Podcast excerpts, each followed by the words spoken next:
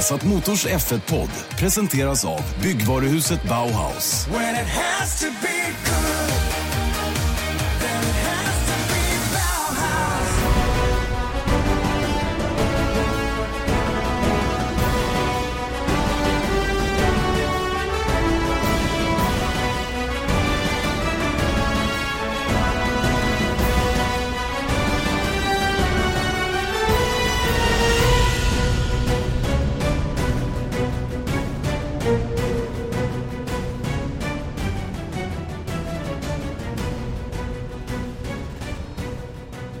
Thank you all for coming. For me, it's a it's a very special day today. Of course, as you know, to uh, receive the trophy um, this evening. It's going to be uh, amazing. Um, but for another reason as well, uh, I want to take the opportunity to announce that uh, I've decided to end my Formula One career um, in this moment here uh, on Monday. And um, yeah, so to explain, um, it's been ever since I started when I was uh, six years old. I had, you know, a very, very clear dream, and that was um, that was to become Formula One world champion. And it was very, very clear in my mind, you know, as long as I can think when I was growing up. And uh, now I've achieved that. You know, I've put everything into it for 25 years of racing, um, and with the help of everybody around me, uh, with the help of fans, and the help of my team and my family and everybody and my friends, I've managed to achieve that this year. So it's been an incredible, incredible experience for me, um, which I'll remember, remember forever.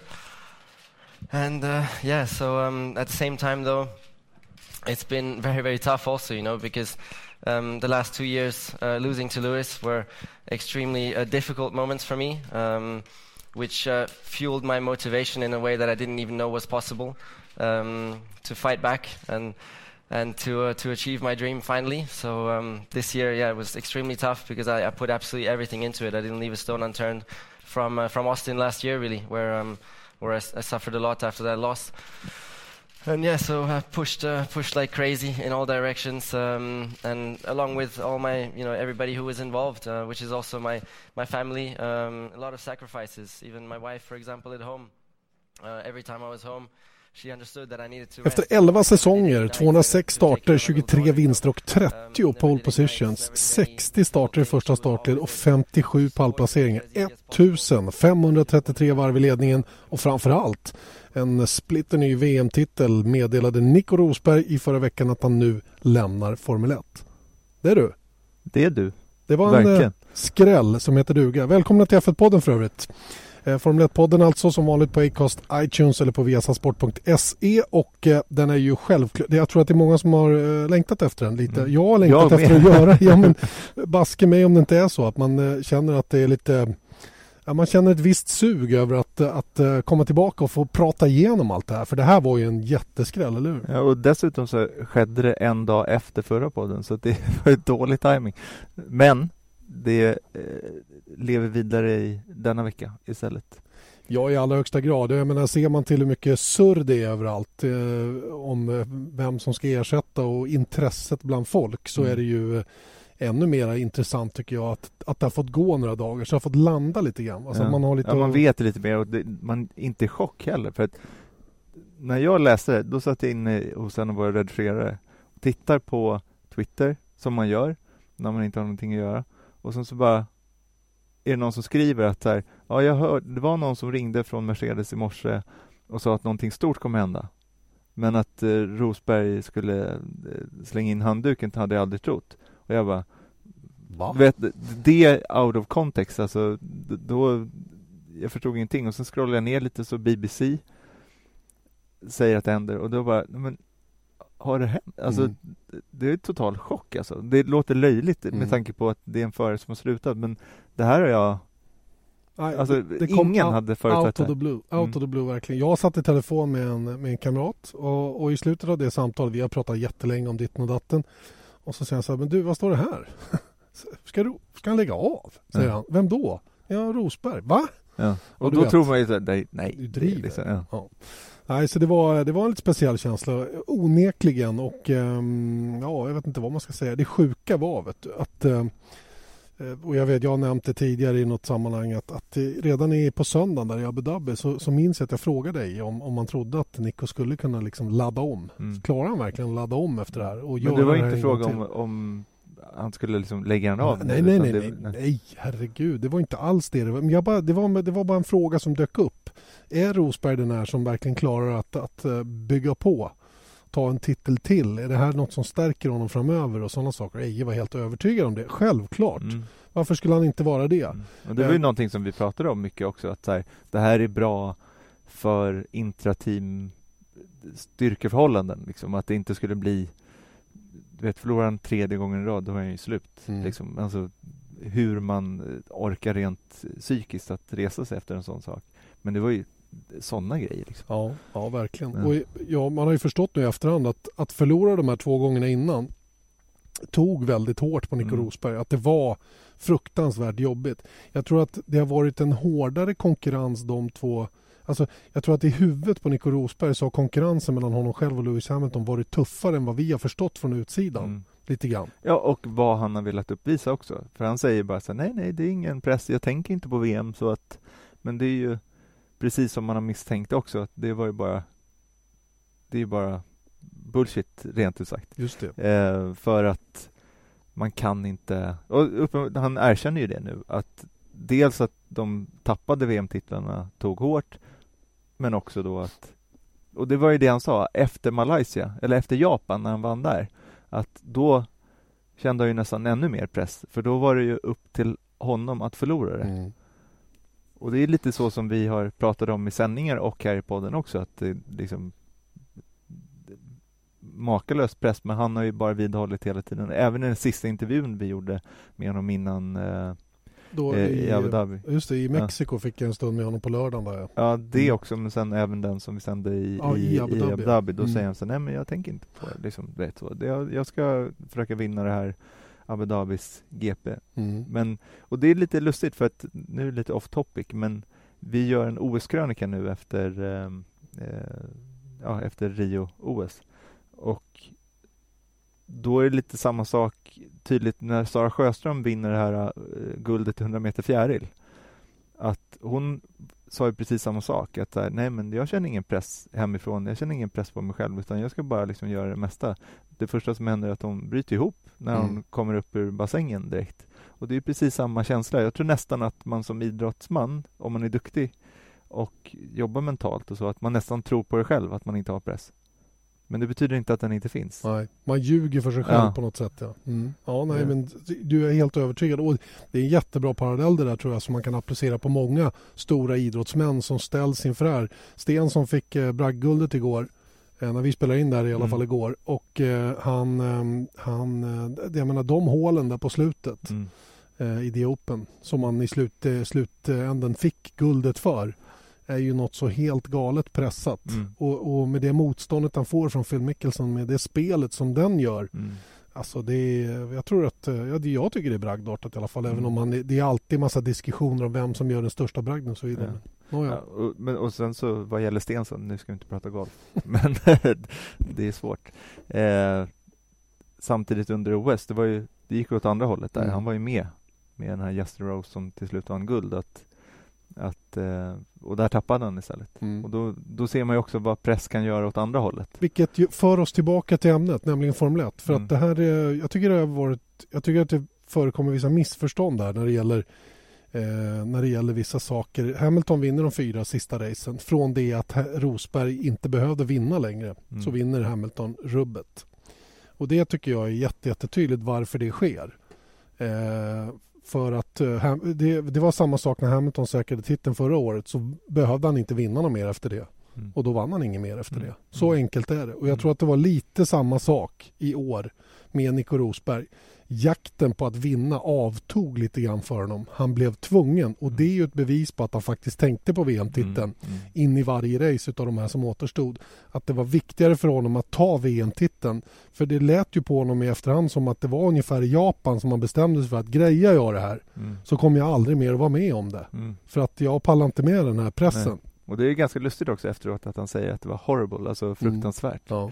Att det är liksom, det där vill jag inte vara med om. Medan man skulle då kunna tycka att, här, ja, ja men vilken häftig grej att vara med om, men jag tror när man sitter där med hjälmen på och saker och ting verkligen är på spel. Jag, jag, jag vet att man inte kan ens föreställa sig hur det i, kan vara. Och sen det här... eh, Jag tycker på något sätt ibland blir det lite svart eller vitt i diskussionerna vem som är duktig eller vem som inte är duktig i Formel 1. Vem kör bra och vem kör inte bra? Vem är snabbast? Ja, den som är snabbast det är kanske den som i ren speedmäss i kroppen har ett bättre Mm. varv, typ Lewis Hamilton. För sån är han ju. Men det är ju så mycket, mycket annat som spelar roll Mm. också. Och, och eh, man, jag tror att man bortser från alla de andra faktorerna lite för mycket när man jämför förare hit och dit. Mm. Det är så oerhört många andra faktorer som påverkar vilken prestation man klarar av att leverera. Mm. Och det får man inte glömma bort i de här diskussionerna. Och, och Nico Rosberg gör ju det på ett mästerligt sätt tycker jag. Mm. Att reda ut alla de här yttre påverkan som är på honom i det läget han hamnar i. Han är ju också medveten om att Lewis förmodligen åtta gånger av tio är Mm. den snabbaste föraren Mm. över liksom i, i ren fart. Men det är andra saker. Det bevisar inte minst det faktum att eh, Rosberg tog ju faktiskt ett antal pole position under året Mm. i kval över ett varv. Så att, eh, ja. Verkligen. Men det, sett till då det beslutet, alltså jag hade ju satt mina pengar varje dag i veckan på Det är nästan så att jag inte hade varit förvånad om Lewis hade sagt samma sak. Då hade det varit så här, jaha, ja ja. Mm, mm. Men det känns som att det ligger mycket mer nära till hands. Att när Rosberg äntligen får den här upprättelsen att, och vinner VM-titeln på ett bra sätt och så gör han det. Vad, vad säger du om det hela? Bra? Dåligt? Jag tycker väl att, eh, jag tror att det är för hon, eller jag kan aldrig se det från något annat håll än från hans håll och då tror jag att det är ett bra beslut. Eh, han har nybliven familj och jag, så som jag har vid sidan av lärt känna Rosberg-familjen. Jag har ju absolut ingen relation med Keke Rosberg utan jag, jag går ju på andrahandsuppgifter från Eje. Och när man hör lite grann hur Keke resonerar, hur han är, att han höll sig undan ifrån den här eh, kampen helt och hållet men definitivt var inblandad fast på sitt sätt på avstånd så har de andra värden i livet än att bara köra racerbil. För, för Nico var det mycket mer ett jobb det här Mm att göra det här, att uppnå en viss prestation som man hade satt upp som mål än vad det är för till exempel Lewis Hamilton. För Lewis Hamilton är det bara det här. Han är liksom, han, han det rinner Formel 1-bilar i, i, i blodådrorna på honom på något sätt. Va? Det är, Mm. Samtidigt så är ju, och det är lite det jag menar med att han skulle lägga av, att han håller på med Han verkar ju koppla ifrån Formel 1 mer än, än Rosberg. Sen så kanske inte företagsamhetsmässigt men däremot så han, han det känns ju som att han ogill, ogillar att vara i Brackley liksom Mm. och han sitter inte och nöter eh, du vet, ja, telemetri liksom på, på fritiden utan då är han och partar liksom Mm. på, i eh, Han är, ganska, han är ganska tydlig med sin, eh, Mm. sin, hur han vill ha det så att Mm. säga. Då.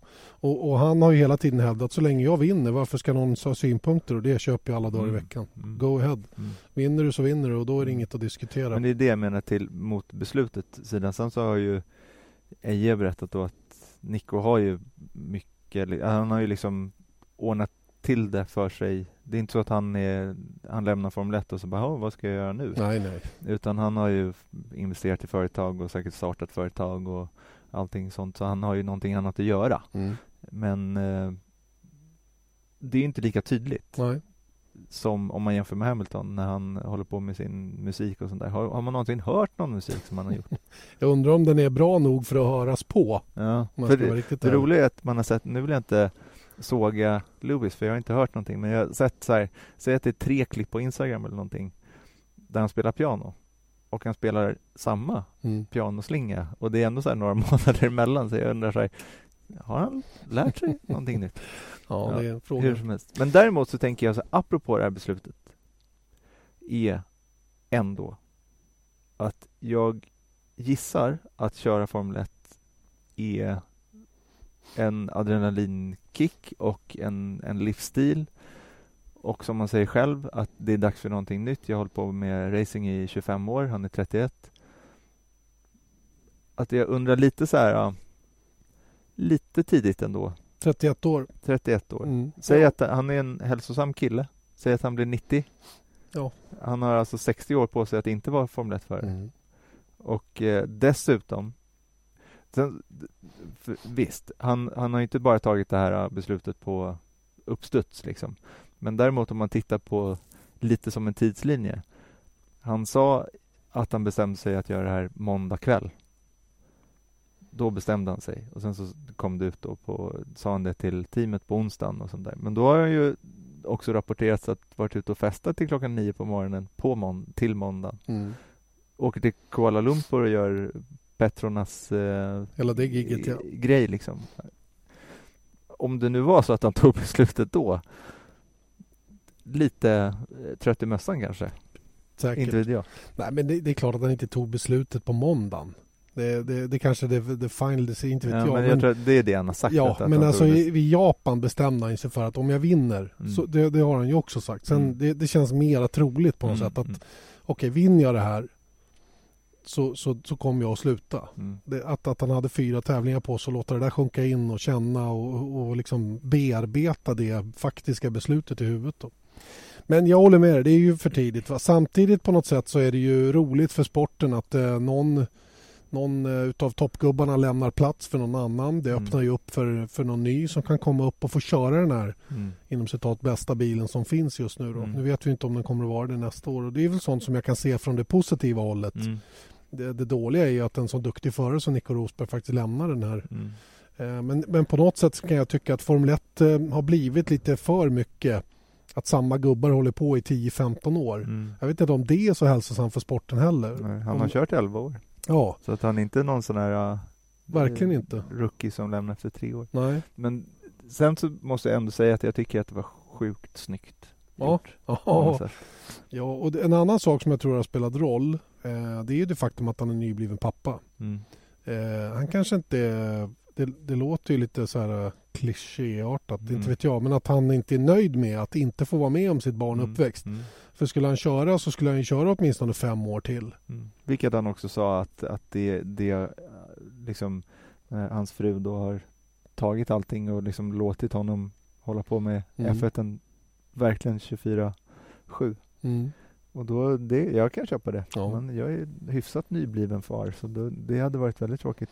Du, jag har dålig koll på andra som har slutat eh, så här supertidigt och, och bara lagt av efter det att de har... Eh, Ja, Jody Scheckter, ja. han Vann VM 79. 79 Mm. och la ner eh, 1980. Efter säsongen 1980, då var han 30. Mm. Ehm, ett år efter sin första titel då. Och han startade en helt ny karriär efter det. Det var inte vingårdar eller Säkert. någonting. I Sydafrika i alla fall. Och han har ju knappt synts till, synts till i depån efter det. Så han är ju inte beroende av, Av branschen som av branschen. Liksom. Sen Ingen- så har vi James Hunt, Mm. tror jag var 31. Eh, citerar inte siffran, men, men han kom ju tillbaka som kommentator. Sen har vi ju några andra som inte tog slutade för tidigt, utan inte så pass, inte i 30-årsåldern, men Schumacher slutade, kunde inte hålla sig därifrån. Han var ju på väg tillbaka redan eh, 2009 va? Mm. Jo, när eh, ta över efter massa. Ja, just det. Ja, just det. det Mm. ryktades ju om Ja, det i alla ja, fall. ja. Mm. Eh, Häckinen Mm. slutade ju och försökte i alla fall komma tillbaks, vad man tror. Mm. Eh, så att jag, jag tror det ska bli ändå intressant att se om man kan släppa det. Ja, Någonting helt- som man levt med i- än en gång, 20, 25 år. Mm. Jag är helt övertygad. Det är jag helt Mm. övertygad om att han kommer att klara.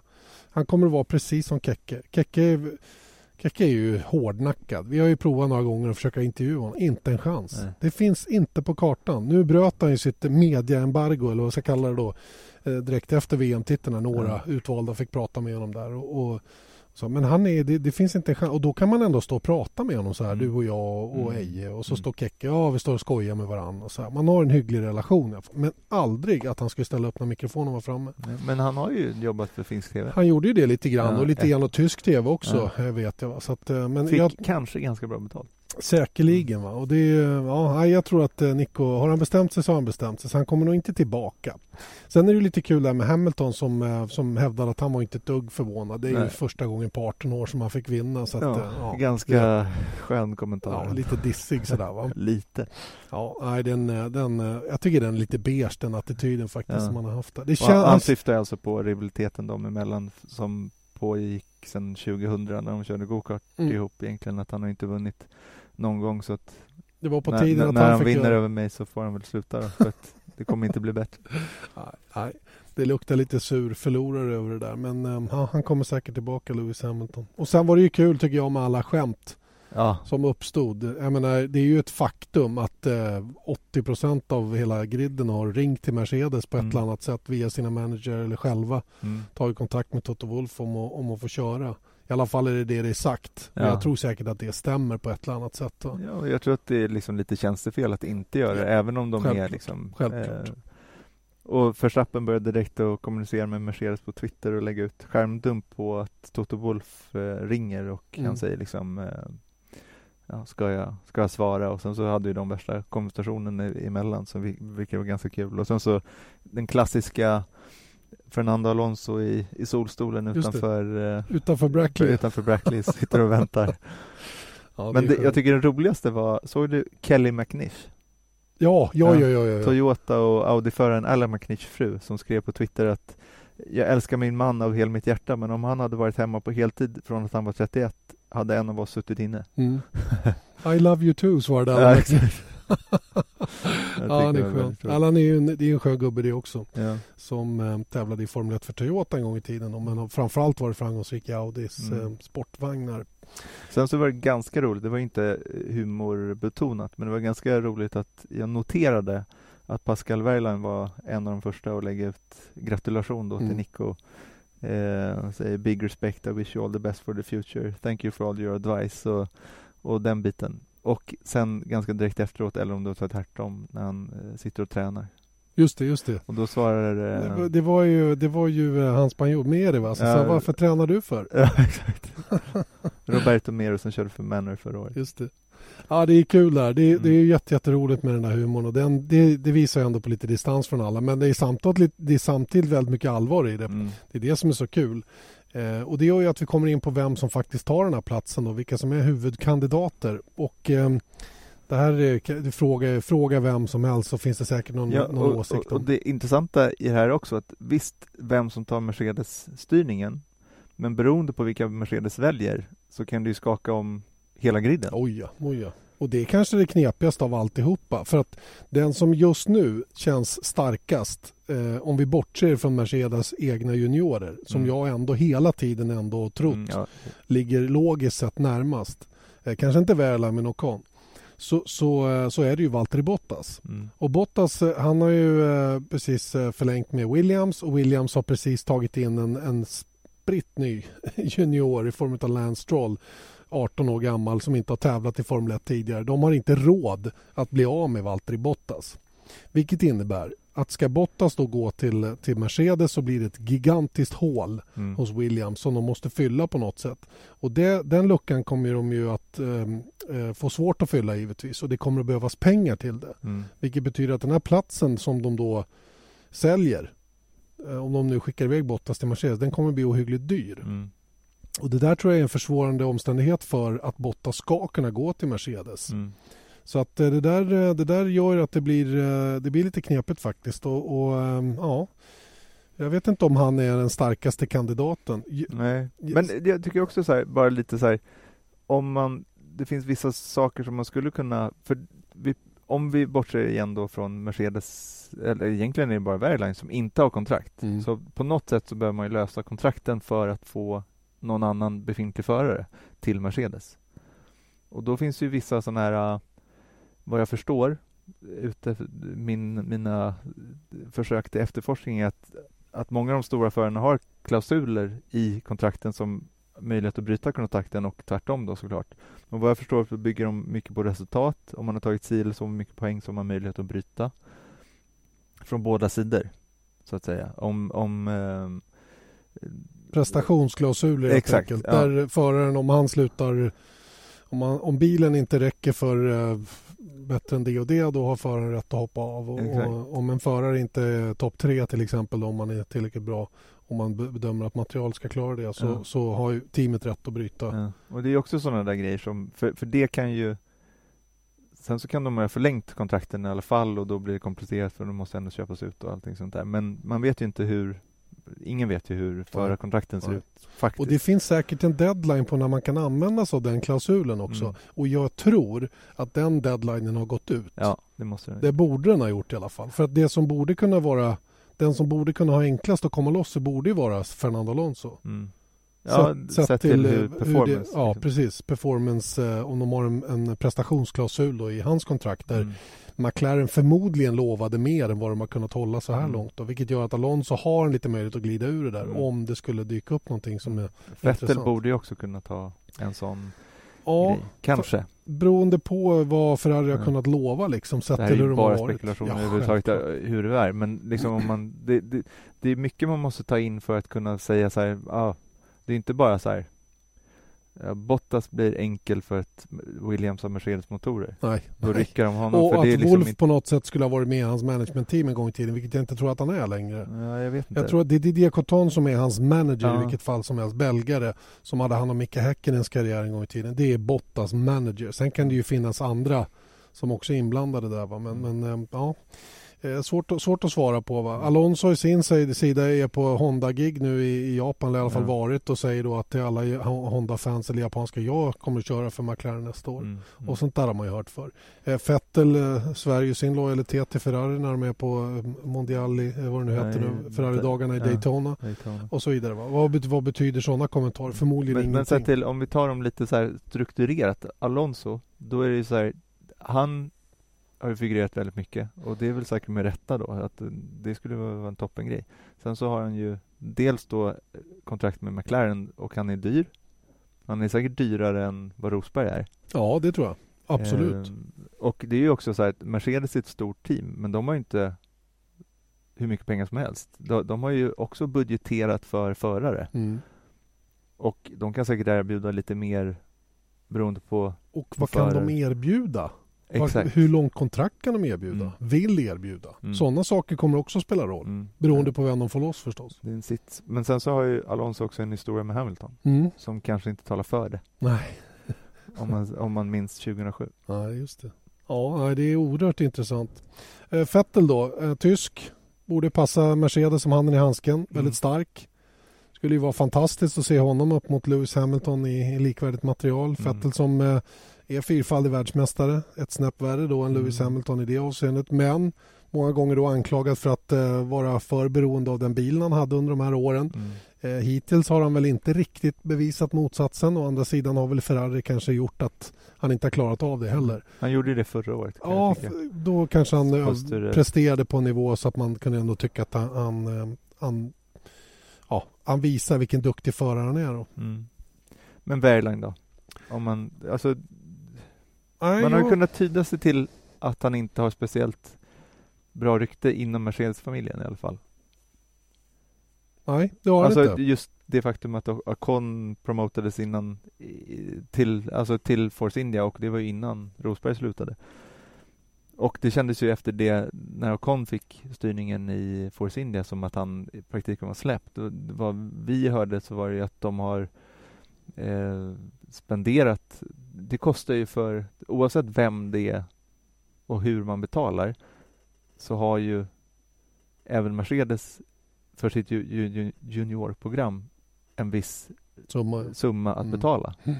Och när Force India har kommit fyra i, i konstruktörs-VM så är ju säkert en Force India-plats ganska dyr. Mm, ja, fast jo då, det kan det ja, vara. Men oavsett om det är pengar eller motorer ja, eller vad ja, det nu kan ja, tänkas vara. Det vet vi ingenting om. Men däremot så Nej, det kostar pengar ja. oavsett ja. för Mercedes på ett eller annat sätt. Om ja. det är eftergifter på kostnaden. För Force India var ju skyldiga Mercedes pengar till och med. Mm. Eh, och sen så ska de ju köpa då nya motorer för nästa år. Så mm. det, det, där är, men, men eh, Det är ju inte så att de släpper efter på hela motorkostnaden Nej. för den ligger på runt 20 miljoner säger vi då, euro. Mm. Det vill säga 200 miljoner. Det finns ju ingen förare Nej. förutom Lewis Hamilton eller möjligen Nico Rosberg om han hade för, fortsatt som hade varit värda de pengarna för Mercedes. Mm. Så de kanske ger 15, 25 procent, ingen aning. Eh, Den på den bygger ju också på vad Rosberg har tjänat. Ja. av med det och, Självklart. och, Men, eh, men, men ehm, oavsett det så, så eh, potten som Mercedes har den har ju uppenbart spenderats på en förare mm, eh, och inte på den andra. mm, Och det är ju, sen har ju Wehrlein då tvingats förhandla, eller har genom Mercedes då förhandlat med Sauber, det Mm. vet vi. mm, En förhandling som nu har pausats.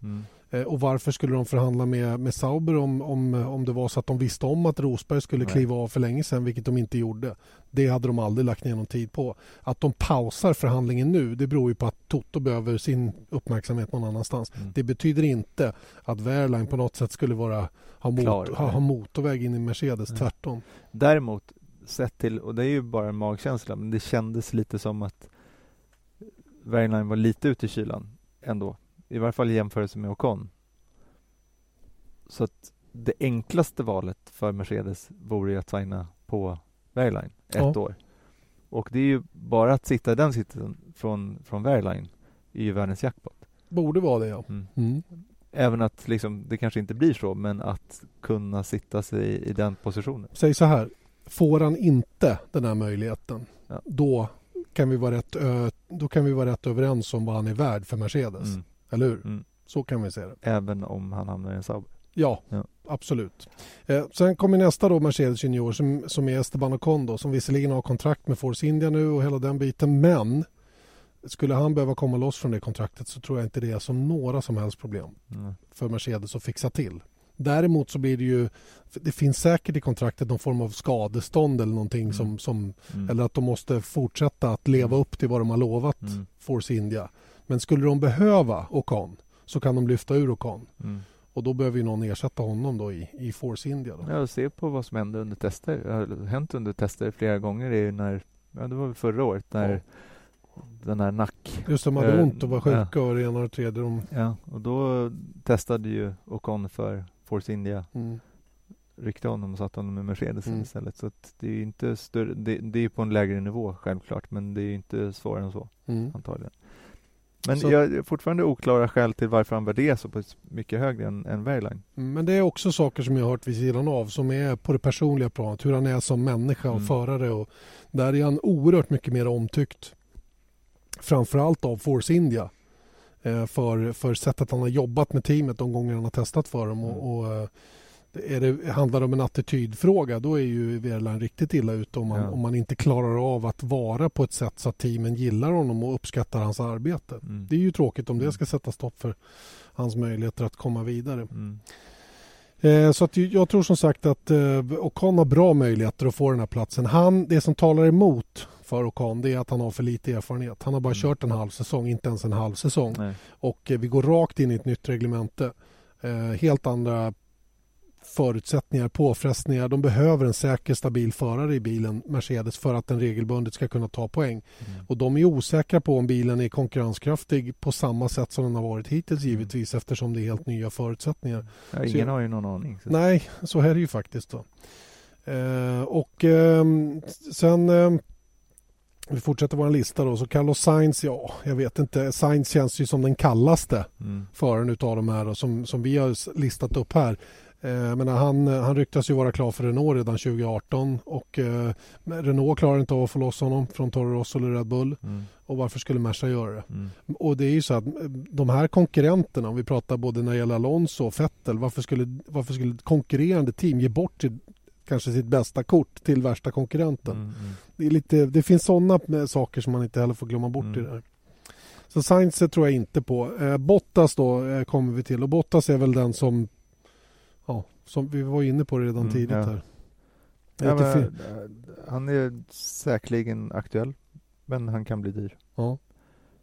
Å andra sidan säkert billigare i lön än Rosbergs lön kommande år då. Säkert. Eller kommande kontraktsperiod. Mm. Han hade ju Mm. ett år kvar. Två Eriksson. år va? Så han skrev väl på ett nytt tvåårskontrakt? 17-18. Gjorde han inte det i somras Rosberg?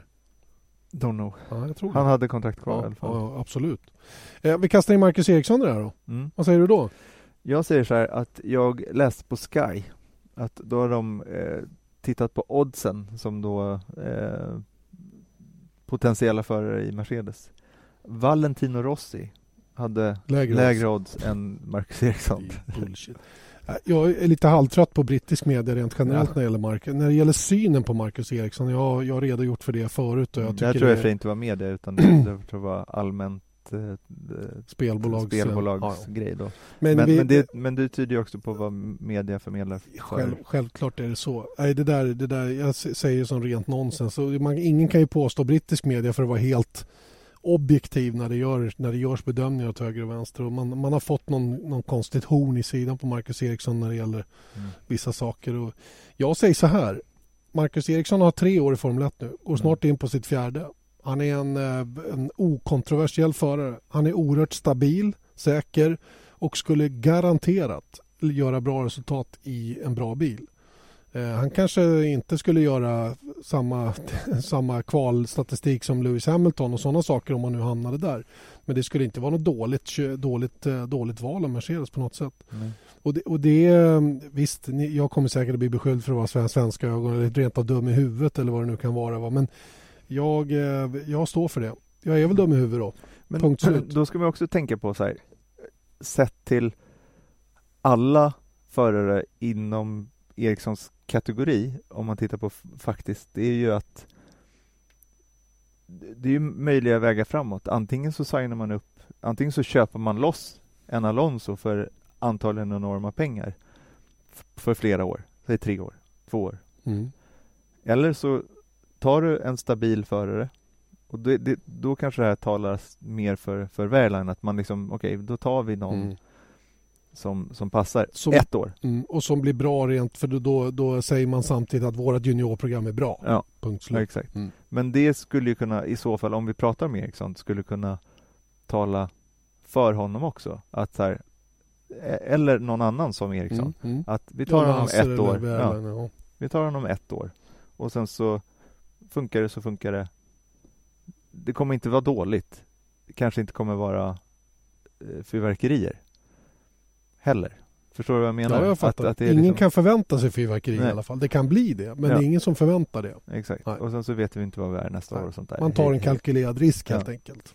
Ett, en billigare, Mm. eh, billigare alternativ. Lättare, enklare och Ja. mindre kontroversiellt alternativ. Men, men med det sagt så tror jag att så här, Nej, jag kanske inte tror att Eriksson sitter i Mercedes eh, nästa år. Men efter att du tutat i mig lite så här scenarier jag ser inte helt så här. Det är inte helt otänkbart. Ja, det är lite som i Dum och Dummare. Vad sa jag? One in a million. You're telling me there's a chance. det är sarg ut, ja. bakom mål, Mm. över målburen, ryggen på målvakten och in. Mm. Ungefär så. Ja, men lite. Ja. Men det, betyder inte att det aldrig hänt. Kolla på Stefan Johansson. Ja. ja men du, det var lite dit jag ville komma. Det gäller ju att vara tillgänglig vid rätt tillfälle. Mm. Timing. Mm. Alla de här bitarna. Och, och, eh, och massa andra förutsättningar som måste Mm. vara rätt också. Och det, det är ju sånt som gör att ett litet, litet hopp ändå väcks. Mm. Det här är ju självklart eh, Mm. önsketänkande i allra högsta grad. Va? Men det är inte Ja, orimligt. men jag tycker inte vi behöver liksom lägga band på oss för jag tror att alla inser att det är en lång shot men shotten finns där Ja. och det kan jag stå för alla dagar i veckan. Mm. Sen tror jag det kanske i så fall om man ser Marcus Eriksson i ett annat team 2017 är att effekterna av Av någon annans att- flytt ja. ja exakt Mm. att, Till exempel Bottas. ja då kanske William för man vet att, Mm. att eh, Eriksson lägret och Williams har diskuterat tidigare. Just. Sen vet inte jag hur kön ser ut där heller Nej. men vadå? Verkligen inte. Eh, övriga jokrar har du skrivit här också. Och det, där kastar jag in Paul de Resta. För jag tror att han, ehm, han, han är inte borta. Jag tror att han finns med någonstans. Mm. Han har funnits i Williams organisation som utvecklingsförare. Han jobbar som tv-expert också för Sky emellanåt. Eh, Men, men, eh, och framförallt tävlar han ju fortfarande och farten i kroppen, kört Mm. DTM och hela den biten. Han har Formel 1-erfarenhet. Han har några år på nacken. Han är också ett sånt där okontroversiellt val. Mm. Frågan är om man är upp, till, up, up to speed som det heter på engelska. Om man, Mm. riktigt, om man bara kan hoppa in och boom, Mm. sätta det där. Mm. Det är, det är en svår fråga. Han, han är Har han annars... kört eh, turbo? Ja, Nej, det har han nog inte. Nej. Nej. Det har han nog inte. Nej. Han slutade innan 14 ja. Jag tror det. Och eh, ja, men varför inte? Han, han, han är en outside i alla fall. Han skulle kunna vara en sån som gick in hos Williams om Bottas gick Mm. och eh, stöttade upp eh, med Lance Stroll. Mm. Det som jag talar emot det är väl då att han har några, det, han har några års bortavaro och rent historiskt har det aldrig varit bra. Nej. Inte ens Schumacher klarade att vara borta och komma tillbaka och göra det på, på samma nivå som han hade innan han slutade. Nej. Och sen så, något som vi inte berört är ju också kommersiella aspekter. Två britter blir det då Just det. i det. Ja. Det kanske inte, alltså jag, jag tror i och för sig att nu är Formel 1 så globalt så att man liksom kanske inte, kanske inte gör så mycket. Ja.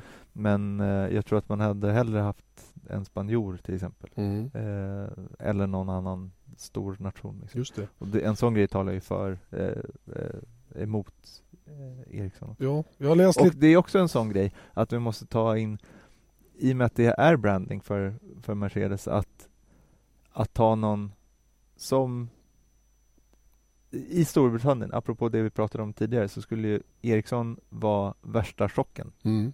Ja, de skulle Ja. ramla av stolarna Ja. verkligen. De, jag vet inte vad de skulle göra om det här om det skulle det hända. skulle vara väldigt kul att se, men, Ja, men om, man, om man bortser från det så skulle det också vara ett kontroversiellt val Mm. på det sättet. Verkligen. Verkligen. Och, och, eh, men det roliga är Marcus första test i en Formel 1-bil var ju för det här stallet. Ja, det Då är när de hette Braun faktiskt. 2009. Innan, ja, och det är mycket samma folk som finns kvar där Ja. fortfarande och Ja, hela visst, den biten. visst.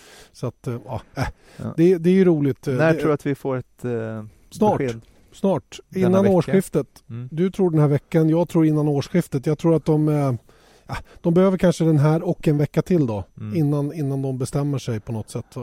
Och ehm, vi har säkert glömt någon i den här listan som skulle kunna vara aktuell. Ja. Eh, många, många, många svenska fans hoppas ju att Felix Ja. Rosenqvist skulle kunna vara aktuell. Och eh, ja, vem, jag skulle inte bli gladare om de tog Felix. Nej.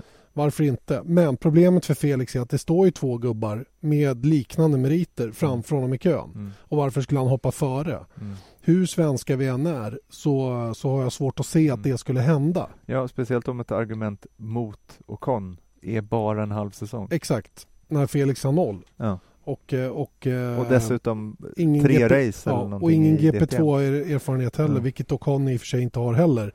Eh, Nej, men DTM Ja, alltså har han ju också. Så att, absolut. Så att, eh, nej, jag, jag, tyvärr alltså, jag, jag tror inte den, den, den chansen är speciellt stor. Även om Felix naturligtvis figurerar på ett eller annat sätt. Mm. Det måste han ju göra. Det vore ju konstigt med tanke på hur mycket de ändå och satsar på inte minst för på samma sätt som effekterna av det kan ge, göra bra saker för Felix Rosenqvist. Någon annanstans Ja. ja. Mm, absolut. Ja, det, det där är, det kommer att bli en eh, svår nöt att knäcka för Mercedes där. Och, det intressanta kommer för mig att bli, väljer de den dyra vägen eller väljer de den billiga vägen, det vill Mm. säga slash den enkla vägen. Mm. Tar de någon som är tillgänglig, som inte har kontrakt eller som kommer eh, utan kostnad för teamet så att säga, men som ändå kan leverera på en skaplig nivå. Då är Marcus Eriksson definitivt en av dem som Mm. det skulle diskuteras om.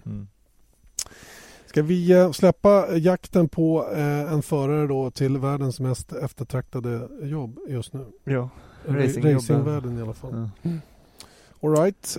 Vad har vi mer att berätta då? Vi eh, vet ju till exempel då att det har presenterats en, en entry list Mm. till Formel 1-VM nästa säsong.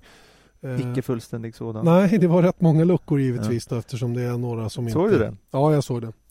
Förstår du? Alltså bara en side-note. Den kommer ju som en lista, en pdf Mm. från. Så Tänkte du på ordningen? Ja, att det inte var i nummerordning menar du? Ja, jag förstår ingenting. Nej, inte Ja, jag jag heller. försökte tyda det. Haas var först och sen Renault, sen McLaren. Det var förvirrande. Kanske var i den ordning de har anmält sig då. Ja, kanske. Inte vet jag. Ja. Nej, det var ju lite märkligt. Och sen startnummer då givetvis där, eh, Mm. där eh, Stoffel van Dorn kommer köra med startnummer två. Japp. Och där Ocon tog, nej, eh, Eller Stroll tog st- 18. 18 ja. Mm. Kanske sin ingångsålder.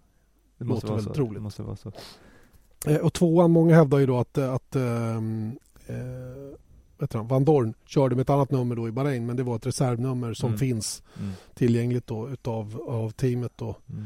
som de kan använda. Så att två blir det alltså för Stoffel van Dorn. Och sen, ehm, En annan notering just det. i den här listan, den är inte så spännande, men det, det är att Toro Rosso inte har någon motor specificerad. Nej, men vi vet att de ska köra Renault. Ja, men det kan ju tyda på att, eh, De kommer att brända den till att det kommer annat. att heta någonting annat. För Red Bull ska ju vara förstå köra vidare med Tag Heuer-branding på, Ja. på sina Renault-motorer. Ja. Vilket jag tycker är ett, fortfarande ett lustigt... eh, Det är inte så att vi bara, här kommer eh, Ricciardo i Red Bull Racings Tag Heuer. Nej. Det, det är inte så det funkar heller. Nej, Så nej. det måste vara någonting annat. Men vad, vad kan Toro Rosso hitta på? De har Ja. inte tagit Tag Fiat. Heuer då. Ja, kanske. Nej, men, det, får, det apropå får ju det- vara något icke-motormärke givetvis. Ja, det, men apropå det så sa eh, jag stod bredvid Eje när han pratade med Cyril om det här med eh, Tag Heuer-brandingen. Eh, när det var snack om de skulle köra med eh, eh, ja, all den här kritiken som Red Bull hade mot Renault Just det. också. Och eh, då frågade Eje bara i så här, vad, vad, hur ser ni på det där Tag Heuer då? Han bara, hörru du, du kan få eh, Viasat-branda motorn om du betalar tillräckligt mycket. Okej. Mm. Så det är ju bara det som kallas white label. Mm. Det är bara ja, om de, de har väl säkert uträkningar på vad varumärket Renault kost, eller liksom ger dem i en Red Bull-bil. Mm. Men det är ju det de pratade om innan när de pratade om att dra sig ur eller det. att skaffa Att ett de eget inte team. fick eh, tillräckligt Ja, eh, tillbaka på sin satsning då Ja. för att det var Red Bull som vann hela tiden, Exakt. inte de. Exakt, och då har ju de räknat ut då att då kan vi betala ni mer än det vi ser marknadsmässigt. Mm. Speciellt när de har eget team. Så kan de tjäna pengar på det. Just det. Ja, Vad ja, det säger du? smart. Janne Blomqvist motor i, i Toro Rosso? Ja, varför inte? Den skulle vara sjukt snabb i alla fall. Kanske. Otroligt kraftfull och nyrenoverad efter Ja. nyår. Lite stor bara. Ja, lite stor, lite tung. Det är ju i och för sig inte bra. Men, väger du mer än en... Nej, inte, du väger inte mer än 145 kilo? Nej.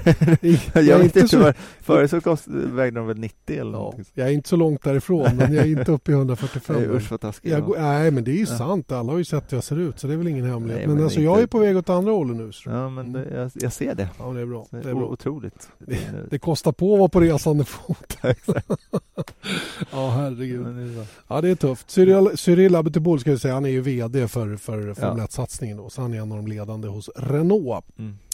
Eh, senaste nytt om Manor kan vi väl dra också då, där eh, det verkar, ja, Eje sa ju till mig så här när vi var i Abu Dhabi, ja du vet väl vem det är som ligger bakom den här nya investeringen hos Manor? Mm. Ja, det är Kings pappa, sa han. Jaha, okej. Eh, ursäkta dig om vi avslöjar allting som du säger till oss här, men det, det där tror jag är ganska okontroversiellt. Mm. Oavsett det så, så är det nog så att Jordan King Mm. i GP2, -färgen, Ja. eh, han har kört för Racing Engineering i år, han kommer sannolikt att ta steget upp till Manor nästa år.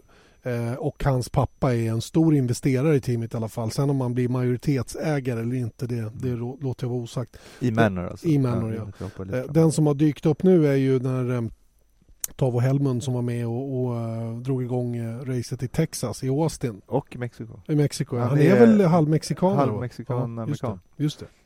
50-50. Och eh, det talar väl lite grann för Esteban Gutierrez då. Mm. Som, eh, som fortfarande inte har någon styrning men som eh, ja, i, i elfte timmen när de måste hitta någonting annat efter Mm. det att Haas valde, mm, valde Kevin Magnussen till nästa säsong. Och det där, den kopplingen är ju stark. Mm. Den tror jag på. Mm. Så Jordan King, Esteban Gutierrez, hur Mm. känns det i Manor? Ja, det känns som en fullkomligt rimlig Manor-lineup. Mm. Och inte så dum heller. Nej, nej. Och en stackars Felipe Nasser som glider längre och längre bort. Mm. Sen så jobbar ju nu, eh, jag märker ju lite, man läser lite grann eh, brasiliansk media jobbar ju rätt hårt på Mm. eller försöker att få det som eller ha rapporter om, inte fasen vet jag vad jag ska kalla det, vad de har för källor till, till sina påståenden men att Nasser, Hoppfulla källor kanske. ja på något sätt att han på något sätt ändå skulle kunna vara kvar i Formel 1 då. Mm. Jag vet inte. Men det är också, det, han ja. påverkas ju också av det här som vi pratade om, beroende på vad han väljer. och, och vi ska ju vara ärliga och säga att om Marcus Eriksson har chans på Mercedes, varför skulle inte Felipe Nasser ha det? Absolut. Det är ju inte absolut. någon gigantisk skillnad på Nej. de där två, verkligen inte. Va? Så att, eh, det, den finns. Eh, Men vi... kul ändå att då, det kan, med en Manor då att det blir två team egentligen som kan bli ha amerikanska kopplingar. Ja, verkligen. Och det, det, det är är ju... Tex, eh, Texas-investerare som är bakom det där då också. Just det. Tavo och. Och det är lite kul om de känner att det här Liberty Media-köpet, om Mm. det nu går igenom till 100%, man blir ju inte klok på det där Nej. heller. Det är ju så mycket turer till höger och vänster om, Mm. om de här 18 procenten ska bli då 60 eller vad det var till slut. Och Och, när och... ja, och när kommer pengarna fram och var kommer pengarna ifrån? Och, Mm. eh, Liberty Media begärde pengar från teamen för att kunna betala likviden Mm. till, till eh, Eh, ja, vad det där bolaget som de köpte det ifrån Ja. hette. Då. Ja, jag, du, ärligt talat, det där, det där Vi orkar jag inte ens sätta mig in släpper det. Eh, däremot så får vi ett nytt Grand Prix från 2018. Det tycker jag är kul. Mm. Fantastiskt kul. Och som av en Frankrikes- händelse, Ja. när jag kom hit till Viasat idag, Mm. i entrén så tittar jag upp på den stora skärmväggen vi har där. Vi har nio tv-apparater sitter. Och på Mm. den vänstra längst upp i ena hörnet så gick ett lopp på Paul Ricard. Mm. Nämligen Formel 3-loppet Mm. som ja, kördes tidigare år. En Mm. repris. Mm. Och eh, står jag och tittar på det där. Jaha, ja just det. Det är de där färgerna och, och hej och sådär. Och den ja, såg väl inte så kul ut med de kameravinklarna. Nu är ju Formel 3s tv-produktion någonting helt annat än Mm. det som Formel 1 erbjuder. Så, och det kommer ju att se annorlunda ut givetvis. Mm. Men det här färgglada eh, och den, det är ju en 80% färg Ja. och, eh, och 20% asfalt som de kör på. Ja. Eh, så att, jag vet inte om, om den eh, om den var Nej, och sen så de har ju massa olika sträckningar och, och sånt där också. Som chikan på långa rakan Mm. och allt vad det nu är. Du, Det- apropå det. Ja, Där kan de göra ett jokerlap. ja Som absolut. Mattias Ekström Just gick det. ut och sa att han tyckte att alla motorsporter, Fler skulle- klasser än rallycross borde användas utav Joker. inklusive F1. Ja, jag vet inte om jag tycker om det. Nej, jag riktigt. vet inte. Vi, vi är ju lite Konservativa, konservativa. och konstiga och trötta och vill ha det ungefär som alltid. Ja. Men i alla Ehm, fall en deal från 2018 över fem år vad jag förstår. Ja, Ehm, Erik Boulier sägs ha legat eh, bakom det här en hel del. Mm. Eh, McLarens Racing Director som eh, naturligtvis har varit en sammanvävande person då för att eh, få till den här dealen. Då. Och Mm. det är ju Bernie Eccleston som äger banan. mm. Så att det kanske förenklade att Inte ta in den igen. helt dåligt. Nej, nej, jag tror att det, det, det hjälper till. Senast man körde på Paul Ricard 1989 Eh, eller 90. när man körde 14 F1-race där mellan 71 till 90. 90 var det sista. Och då vann Alain Prost 1990. Mm. Eh, jag var på det sista franska Grand Prix 2008 Mm. i, ehm, eh, på Magny-Cours. Mm. Eh, och Magny-Cours eh, var ju en fantastisk bana tycker jag. Mm. Cool, eh, cool. Adelaide Hairpin och alltihopa det där. Långfingret från Coulthard till Schumacher. Det har Mm. hänt massor med kul grejer där. Älskade den banan på Playstation F1 1997 tror jag. Okej, var- okej. Det är länge sedan. bra. jag var Fanns snabb där. Ja men det är bra. Jag minns bara att det var hopplöst att hitta något hotell. Jag har bott på en bondgård. Mm. Jag har bott inneboende hos en gammal dam. Och jag har bott på ett hotell inne i byn. Eh, Jag minns att det var omöjligt att få någon vettig mat. Eh, Det var bara sån här konstig fransk mat. Ursäkta alla fransmän och Mm. alla kulinarer. Jag, alla de här eh, gåslevrar och... Ja. Ja, det var inte riktigt min stil. Nej. Och alla som vet hur jag ser ut och ser hur jag ser ut fattar att jag äter kanske inte fine dining varje dag i veckan. Nej. Men, men oavsett det så, så jag kom inte riktigt överens med det där stället. Det var knepigt helt enkelt Mm. att vara där. Det var gigantiskt långt till flygplatsen. Också en andrahandsanekdot när att du och när ni väl är där så, så när det blir stressigt för Janne Blomqvist och EL så, så kanske man bara säger men nu, nu kör vi bara. Och då spelas det in då en eh, eh, vad är det? Det, det är TV4 Ja, nej inte 2008. Nej, nej, nej, det Det var- var, det var våran, till, på våran eh, tid. till eh, ja, sexan. Ja, eh, Studio så- F1 eller vad hette det? Nej, det, var inte det, heller. var inte det heller. Nej. Men det, på något sätt så ska Ja. ni leverera ett klipp det. som peppar upp inför Just det det, just det. En fransk- liten start sådär. Ja, ja, exakt. Och peppar upp lite för Frankrikes Grand Prix. Det är ju glamoröst och lyxigt eh, och allting. Eh, Janne och Eje står framför en bondgård. Och vad kör bakom? En traktor. Ja. Eh, Jag kan lägga till till den historien att mitt stativ försvann på vägen. Ja. Eh, no, Air France förmodligen. Mm. Strulade bort. Jag hade inget mellanhopp. Skulle flyga Stockholm-Paris och mitt stativ borta. Mm. Det kom på söndag morgon när jag skulle åka hem. Och vi spelade ju in där långt, långt tidigare. För vi Mm. var ju, och jag fick låna fin, finska teamets stativ som inte hade rätt fot. Alltså eh, platta. På, platta man sätter fa- Så den kameran fick stå löst uppe på, på sniskan och så fick jag liksom tilta upp den så att det blev någorlunda rakt. Och sen du vet, knappt röra den för den stod ju bara och vinglade där Ja. uppe. Och sen vrida den där skärmen så att vi såg oss själva. Ja. Och så ställa oss där och göra den här grejen. Ja. Och, och du vet, det var väl en meter ovanför huvudet på. Det var ju bara fel allting. Och så kommer den där rackars traktorn bakom. Det bara, kör på bara, det funkar. Ja, det lirar. Vi skickar hem bara. Så det, och du vet, på den tiden var det ju så här eh, internetlinjerna. För vi var ju tvungna att skicka allting FTP, skicka Ja. allting. Och det tog ju hundra år innan grejerna kom. Ja. Det, var, det, var, det var i tvns begynnelse känns det som. Eh, Janne, du är väldigt duktig på mycket, men just så bakgrunder är inte din... eh, Jag skiter i när, det. när jag, när jag i era öron inför att så här, bara, jag vill att vi ska stå ute i pitten, bara, Mm. det här är lika bra, och sen så bara en soptunna någonstans. Jag är ju tjurig som fasen. Ja, men jag, jag och Mange blir, han blir ju knasig på mig. På en fotograf. För han, han tycker ja vi går ditåt. Ja. Men å andra sidan så går vi många gånger 50 meter och det ser exakt likadant ut. För er? Ja, men vi ser ju rutan. Ja. Men eh, ja, Ja. Vi kan diskutera Alla, alla bakgrunder är tack vare mig och Magnus. Exakt. Och inte tack vare mig i alla fall. Nej, det är inte Jag skulle kunna stå Ja. framför precis vad som Viktigt helst. är vad man säger, inte hur det ser ut. Exakt. Och så kan man ju tycka att det är. Ja. Men i alla fall en fin utveckling med tanke på Tysklands GP. Ehm, Att det Att- försvinner ja. Och att vi får ett nytt europeiskt Grand Prix. Ja. För det är ju väldigt ovanligt. Andra Mm, på två år bara. just det. Österrike och nu Frankrike. Mm. Jag Det tycker är det. väldigt kul. Positiv utveckling. Du, Ja. nu kommer en historielektion här. Kör hårt. För jag rå- råkar ha specialkunskaper i ämnet. Vet du vem Paul Ricard var? Nej, men han gjorde väl sprit? Mm.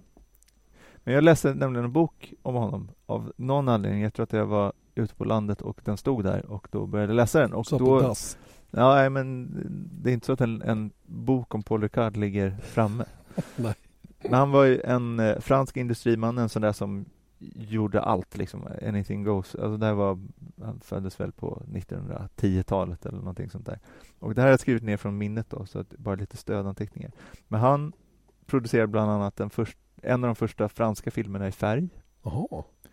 Och, men han, framförallt så började han göra och sälja pastis, alltså den där franska Just det. eh, likören ja, med anis eh, under eget namn och gick, det gick jättebra. Han gick om en massa liksom, stora spritproducenter eh, och gick ihop med Pernod 1975 och då blev det företaget då Pernod Ricard och det är bland annat de som äger Absolut Vodka eller, Ja, eller det är hela. Ja, hela kanske har köpt Vin och Sprit ja. eller Mm, någonting mm. sånt där. Eh, ett kul sidospår är att pastis förbjöds under andra världskriget och då satte han igång och odla ris. Som jag, som jag minns det i, i, boken var att liksom, ja, men jag odlar ris. Och sen så upptäckte han då, för att han är ju duktig på att distillera Just sprit då. Så han fick japansk sake istället. Nej, sen kom han på att han kan göra alkohol som kunde användas som bensin. Aha. Som, som han sen då sålde till, eller jag vet inte om han sålde, men han erbjöd den till den franska motståndsrörelsen under andra världskriget. Sådär ja. massa sådana historier. Det är faktiskt ro- jag kommer inte ihåg vad den heter, men det var en rolig, rolig bok. Han Mm. var den första, första sponsorn som Tour de France hade. var 1948 och det var Paul Ricard, Okej. alltså hans eh, pastis då. Sen byggde han eh, Paul Ricard 1970 och Ja, på den vägen. ja lite pengar. Mm. Har du varit där? Nej, aldrig. Det har jag. En gång. Ehm, Mobil hade ett, eh, ett, ett sponsorevent tror jag, eller något event där man bjöd in journalister och jag fick möjlighet att åka dit och eh, fick bo på det fina hotellet som ligger Ja. tvärs över gatan. Det, har inte, det, det kommer man inte få göra när det är. Grand Prix. Där kommer förarna bo, kanske. Ja. Eh, man flyger till Marseille, eh, Sydfrankrike, nere vid, eh, vid eh, Medelhavet och eh, sen är det då lite vägar upp längs förbi vinranker och gårdar Mm. och sånt som är där. Det är ju lite på, på vischan det här också ärligt talat. Mm. Va? Men jag tror att de allra flesta kommer nog bo inne i Marseille eh, eller i, i närheten för att... Är det eh, så pass nära? Ja, alltså, så uppfattar jag det i alla fall. Mm. Jag, jag kan ju minnas, det är ju länge, länge sedan. Det måste ju vara i Vi 20... behöver inte bry oss förrän nästa Nej. år. Jag vet du vad jag fick göra? Jag fick åka, jag fick åka ett varv med David Coulthard i Mercedes SLR. Och jag, det, så fort har jag aldrig åkt någon gång som den gången för då använde vi hela rakan. Mm. Gick över 300 km i timmen. Mm. Och det var coolt. Han eh, knäppte av alla system och, och du vet som, som de gör när de ska imponera med en supersportbil. Den ska Ja. sladda. Vilket jag aldrig har förstått. En supersportbil som sladdar skulle jag lämna tillbaka. Ja. För det är Men väl det det, sista den häftigt. ska göra. Jo men det är Ja. lite coolt sådär. Ja. Men eh, det var, det var häftigt och det är ju en, det är en läcker bana. Mm. Men eh, ja, vi får se vad den kommer att erbjuda när vi kommer så långt. Då. Apropå medåkningar, så kommer du ihåg eh, ett klipp då med Anto- jag tror att det är Antonio Pizzonia Mm, i Jaguar. just Det är i alla fall, det kan ni säkert eh, gögla. Google eller Youtuba. Ja. Men då, då är han ute och har någon Jaguar eh, sponsorgrej. Och så är han ute och sladdar med någon eh, Jaguar och rullar. Jaha, Rullar bil sådär. med någon passagerare, alltså med, med någon dam inne i, i bilen. Det är, då kanske man inte riktigt stärker sina aktier. Nej. Sen står det inte att han var dålig. Nej, det vet jag Nej. inte, men det var en medåkning. Ja, ja. Jag drog kopplingen rakt ifrån att åka med en Formel 1-förare. Det är lite Lasse Kronér över dig. Jag gör trådar överallt. Anything goes. Ja, vi har haft pratat pastis i, Ja, idag. eller hur? Eller hur? Bara Ja. en sån sak. Vi som är helnykterister i vanliga fall. Mm. Eh, roligt att prata med er i alla fall. Mm. Och eh, hoppas att den här podden har varit till belåtenhet. Mycket prat givetvis om Nico Rosberg. Mm. Måste rösta. Ja, Ja. Daytona podcastpriset.se. Mm. Eh, är det pod podcastpriset.daytona.se? Så är det. Adressen.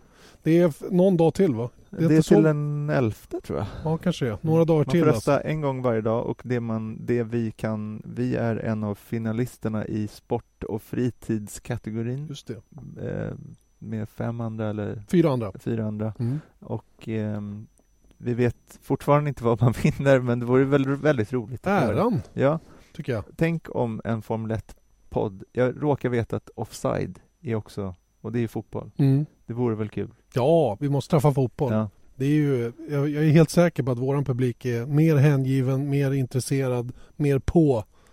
Och vi eh, är snuskigt eh, röstfiskande Ja, jo, jo, visst, visst. Och faktum är att jag är lite förbannad på det här med röstfiske. Ja. Jag hade en diskussion med Radiosportens chef som jag känner sedan förr i tiden. Ja.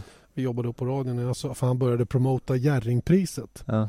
Och Jerringpriset, där finns ju i år Mattias Ekström, så rösta på honom nu då för 17 Mm. gubbar, så motorsporten är med.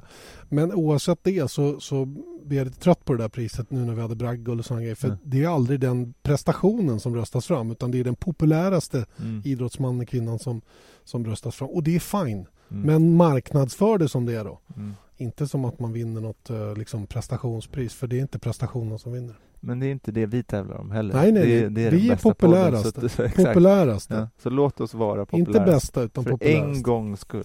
Absolut.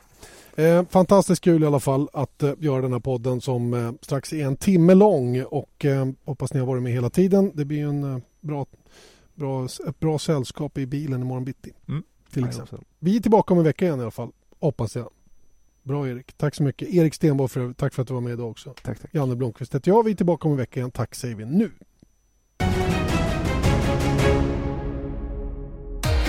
Vesat Motors F1-podd presenterades av byggvaruhuset Bauhaus.